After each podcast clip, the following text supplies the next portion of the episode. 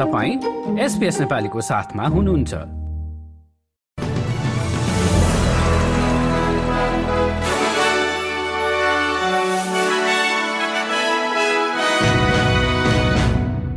नमस्कार। आज बिहिबार छब्बिस अक्टोबर सन् दुई हजार तेइस। अब पालो भएको छ एसपीएस नेपालीमा।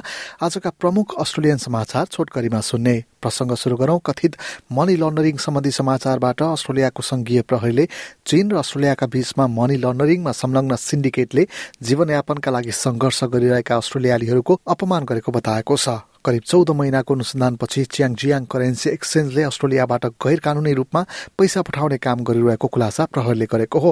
विगत तीन वर्षमा बाइस करोड़ डलर भन्दा बढी रकम गैर कानूनी रूपमा विदेश लगेको संघीय प्रहरीको आरोप छ। अर्को एक समाचारमा सिडनीको एक चर्चित विद्यालयमा मृत अवस्थामा फेला परेकी महिला वाटर पोलोकी प्रशिक्षक लिली जेम्स रहेको प्रहरीले पत्ता लगाएको छ। सेन्ट एन्ड्रियुज क्याथेड्रल स्कुलमा टाउकोमा चोट पटक लागेको अवस्थामा आकस्मिक सेवाले उनलाई फेला पारेको थियो। प्रहरीले उनीसँगै अर्की महिला कर्मचारी खोजी गरिरहेको छ।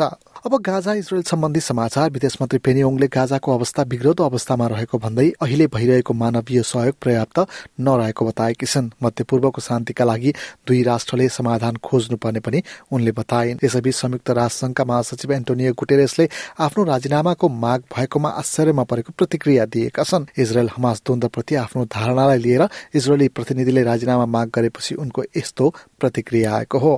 सुरक्षा परिषदको बैठकमा महासचिवले सात अक्टोबरमा हमासले इजरायलमा गरेको आक्रमण बिना कारण नभएको भन्ने कुरालाई लिएर उनको राजीनामाको माग भएको हो। अब लागु क्विन्सल्याण्डतिर क्विन्सल्याण्डको दक्षिणमा लागेको आगलागी नियन्त्रणका लागि अग्नि नियन्त्रकहरू खटिरहेका छन्। बदलिदो मौसमले आगो नियन्त्रण गर्न सहयोग गर्ने अपेक्षा राखिए पनि बतासका कारण झनै अप्ठ्यारो बनेको बताइएको छ। टाढामा लागेको आगलागीमा दुईजनाको ज्यान गएको थियो भने सोह्र घर चलेर नष्ट भएका थिए। अब भने खेल समाचार र फुटबलमा पेरिसमा भएको खेलमा इटालीको एसी मिलानलाई तीन शून्यले हराउँदै पेरिस सेन्ट जर्मन पिएससीले आफ्नो अग्रता कायम राखेको छ।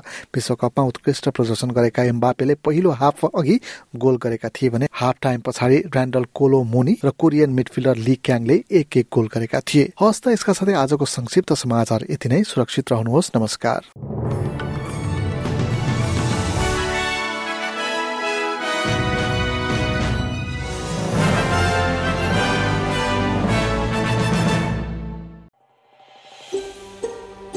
यो जस्तै अन्य प्रस्तुति सुन्न चाहनुहुन्छ? एप्पल पोडकास्ट गुगल पोडकास्ट स्पोटिफाईमा हामीलाई खोज्नुहोस् वा तपाईँले पोडकास्ट सुन्ने अन्य सेवामा।